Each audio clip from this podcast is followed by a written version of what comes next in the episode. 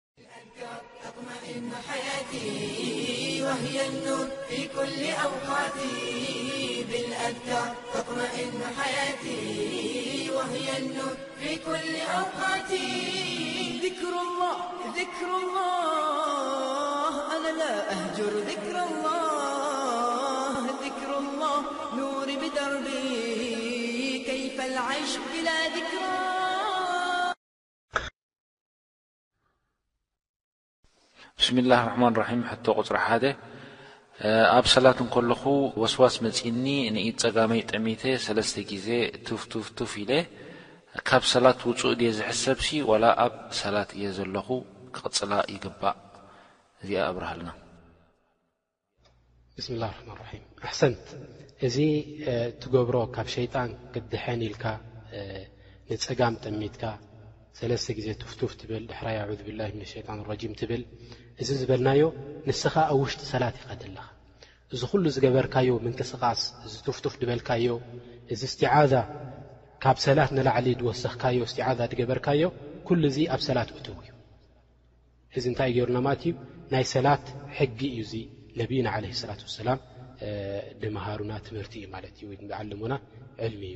እዩ ሊክ ኣንታ ፍሰላ ሰላ ከምኡ ምስ በልካ ተስተምር ናፍታ ሰላትካ ትቕፅላ ክሳብ ትውድእ ማለት እዩ ኩሉማ ከምኡ መፅካ ሸጣን ኩሉማ ከምዚ ወሳውስ መፅካ ከ ከምኡ ትገብር ክሳብ ሽ ክሳብ ሸጣን ካባኻ ድርሕቕ ማለት እዩ ላ ለም ሕቶ ቁጽሪ ክልተ እዚኣ ካብ ሓንቲ ሓፍትና ዝመጸት እያ እንታይ ትብል ኣላ ኣነ ሰላተይ ከይቋረጽኩ እየ ዝሰግድ እሞ ሓንሳ ሓንሳእ ትዕሽሚ ይመጻኒ ትብል ኣላ ወስዋስ ይመጻኒ ክሳዕ ሓንሳእ ውን እንታይ ይብል ክሳዕ ረቢ ኣሎ ድዩ የለን ድዩ ወላ ከመይ ጌሩ ይኸውን እዚ ምስልምና ከመይ ጌሮም ረሱል ሰለላሁ ዓለይሂ ወሰለም ንላዕሊ ደይቦም ዝብል ኣብቲ ልበይ ይመጻኒ ኣብ መንጎ ሰላት እሞሲ እንታይ እንተገበርኩ ይሓይሽ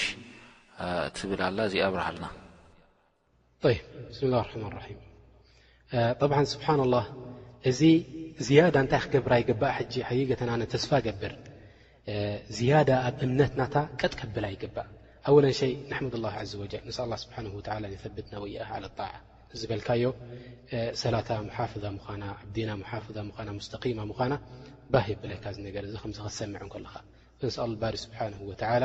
ኣን ዩሰቢተና ወእያሃ ዓለ ጣዓ እንታይ ክብል እዚ እንታይ የረዳእካ ነብይና ዓለ ሰላት ወሰላም እቲ ትምህርቲ ዝሃቡና ንድሕር ዳይርኢኻዮ ሕጂ ምዝ ናታ ዘረባ ክተዳርጎ ከለኻ ህልው ስለ ዝኾነ ሂቦምና ነብና ዓለ ሰላት ወሰላም እንታይ ህል ስለ ዝኾነ እቲ ሸኪ ናይ ሸይጣን ሽኩክ ደምፃኣልካ ጀና ኣሎ ድ የለን ከመይ ገይሩ እዚ ሰማይ ደይቦም ወሪዶም ድበሃል ነገር ምሽ እዚ ኣይኮነንሲ ንሰሓባ እንታይ መጺእዎም ክሳብ ኣላህ ረቢ ስብሓን ወተዓላስ ኣሎ ድዩ የለን ድብል ሸክ ብ ልቦም መጺእዎም ማለት እዩ ተረዲኩም ላኪን እንታይ ኢሎሞ ኣነቢ ዓለ ሰላት ወሰላም ዛከ ሰሪሕ ልኢማን ኢሎም ኣነቢ ለ ላ ሰላም እዚ እቲ ንጹህ ጽሩይ ዝኾነ ኢማን እዩ ዚ ኢሎም ንምንታይ ኢማና ጽሩይ ተዘይከውን ልባ ጽሩይ ተዘይከውን ብእምነት ናይ ረቢ ስብሓነሁ ወተዓላ ዝመልኣ ተዘይከውን ሸይጣን ከምዚ ገይሩ እንታይ ኣይምገበሮን ከምዚ ገይሩ ወሳውስ ኣይመብዝሓሉን ደድሕሪኡ ኣይምተዃለለን ነይሩ ማለት እዩ እዚ ልቢ እዚ ብኢማን ድመልአ ልቢ ግድን እንታይ ኣለዎ ማለት እዩ ጸላእ ኣለዎ ሸይጣን ደድሕሪኡ ክጎይእ እዩ ምእንቲ እንታይ ክገብር ምእንቲ ወሳውስ ከብዝሓሉ ጭንቂ ከብዝሓሉ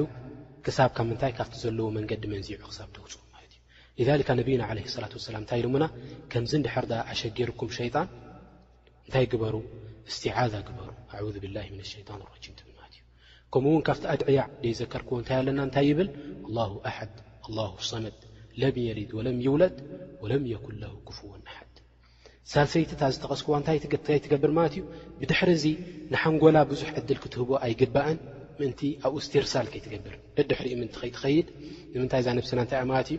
እዚ ናይ ሸኪ ነገር እንድሕር ድኣ ንነብስኻ ዕድል ሂብካዮ ክሳብ ምንታይ የብጽሓካ፣ ክሳብ ኣብ ጽላለ የብጽሓካ፣ ክሳብ ኣብ ጽላለ የብጽሓካ፣ ነስኣል ላህ ስብሓነሁ ወተዓላ ኣን የሕምየና ወልሙስሊሚን። ኣብ ዘመን ናይ ኢማም ኣሕመድ ራሒመሁ ላሁ ተላ ራሕመትን ዋስዓ እንታይ ገይሩ ሓደ ኢልዎም ንእማም ኣሕመድ ኣነሲ ጀናባ እንድሕር ድኣ ኮይነ ነብሰይ ክሕፀብ ኢለሲ ኣብ ምንታይ ይኣቱ ኢልዎ ኣብ ውሓዚ ይኣት ኢልዎ ኩሉ ነብሰይ ውሽጢ የእትየ ይወፅእ ኢሉ ምስ ወጻእኩ ካብቲ ማይ ሽዑ እንታይ ይገብር ኢሉ ሸክ ገብር ነብሰይሲ ኩሉ ማይ ተንኪፍዎ ዲስ ወላ ኣይተንከፎን ይብል ኣብ ነብሰይ ኢሉ እንታይ ኢሎሞ ኢማም ኣሕመድ ራሕመة ላ ለ ራመት ዋሲዓ ንስኻ ሰላት የብልካ ሰላት ግደፎ ኢሎ ኢልዎም ከመይ ገይረ ክገድፎ ኣይ እስላማይ እንዲ ኣነ ረቢ ፈርዲ እንዲ ገይሩለይ ሰላት ኢሎሞ ንስኻ ፅሉል ኢኻ ኢሎ ከመይ ገይረ ጽሉል ኮይነ ኢልዎ ክሳብ ንስኻ ኩሉ ነብስኻ ኣብ ቀላይ ጠሊቕካ ወይ ድማ ኣብቲ ወሓዚ ጠሊቕካ ወጺእካ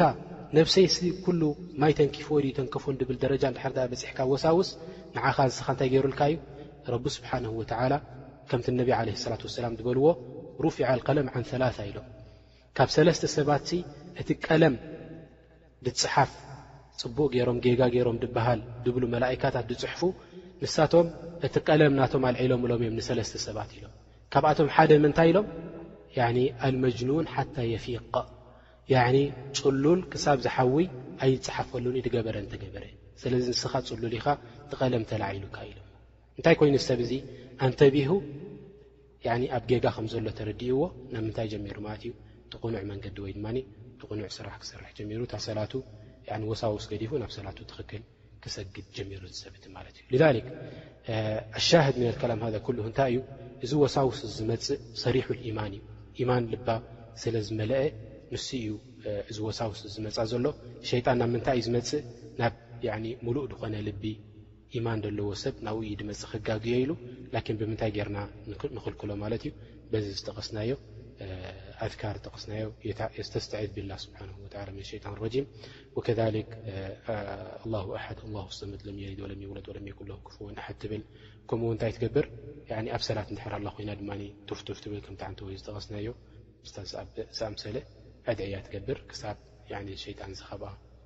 ድርሕቕናት እዩ ነስኣል ላህ ስብሓነሁ ወተዓላ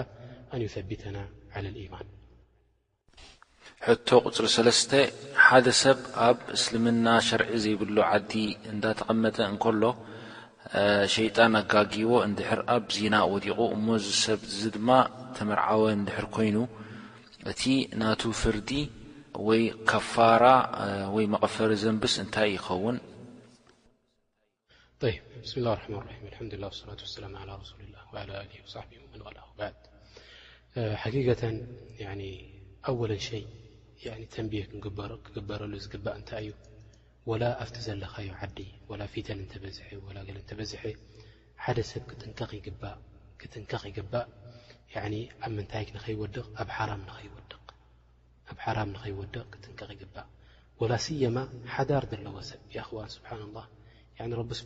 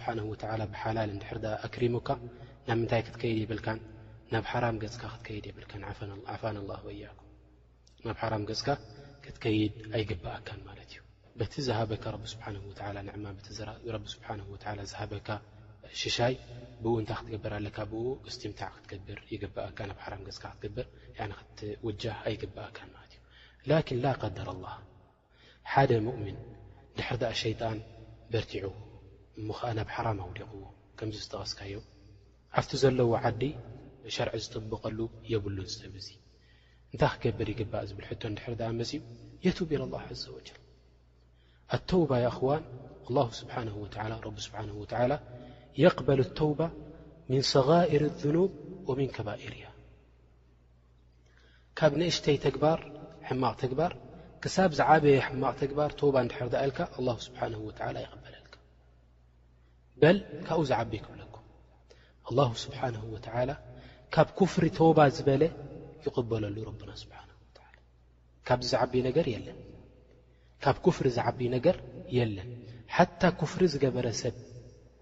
ድሕር ደኣ ካብ ኩፍሪ ተባ ኢሉ ኣላሁ ጀለ ወዓላ ይቕበለሉ ተባ ናቱ ኣላሁ ጀለ ዋዓላ እቲ ቶባ ናቱ ይቕበለሉ ልዛሊክ እዚ ሰብ እዚ እንድሕር ደኣ ላ ቀደር ላህ ኣብ ሓራም እንድሕር ደኣ ወዲቑ እንታይ ይገብር ብድሕሪኡ ቶባ ናብ ረቢ ስብሓን ወተዓላ ይገብር ልክዕ ከምታ ዝጠቐስናዮ ዓንተዊ ገርኒ ማለት እዩ ወመን ታበ ምነ ዘንብ ከመላ ዘንበላ ሓደ ሰብ እንድሕር ደኣ ካብ ዘንቢ ናቱ ቶባ እንድሕር ደኣ ኢሉ ልክዕ ከምዚ ቶባ ከምዚ ዘንቢ ዘይብሉ ከምኡ እዩ ናብ ረቢ ስብሓን ወተዓላ ድኸውን ማለት እዩ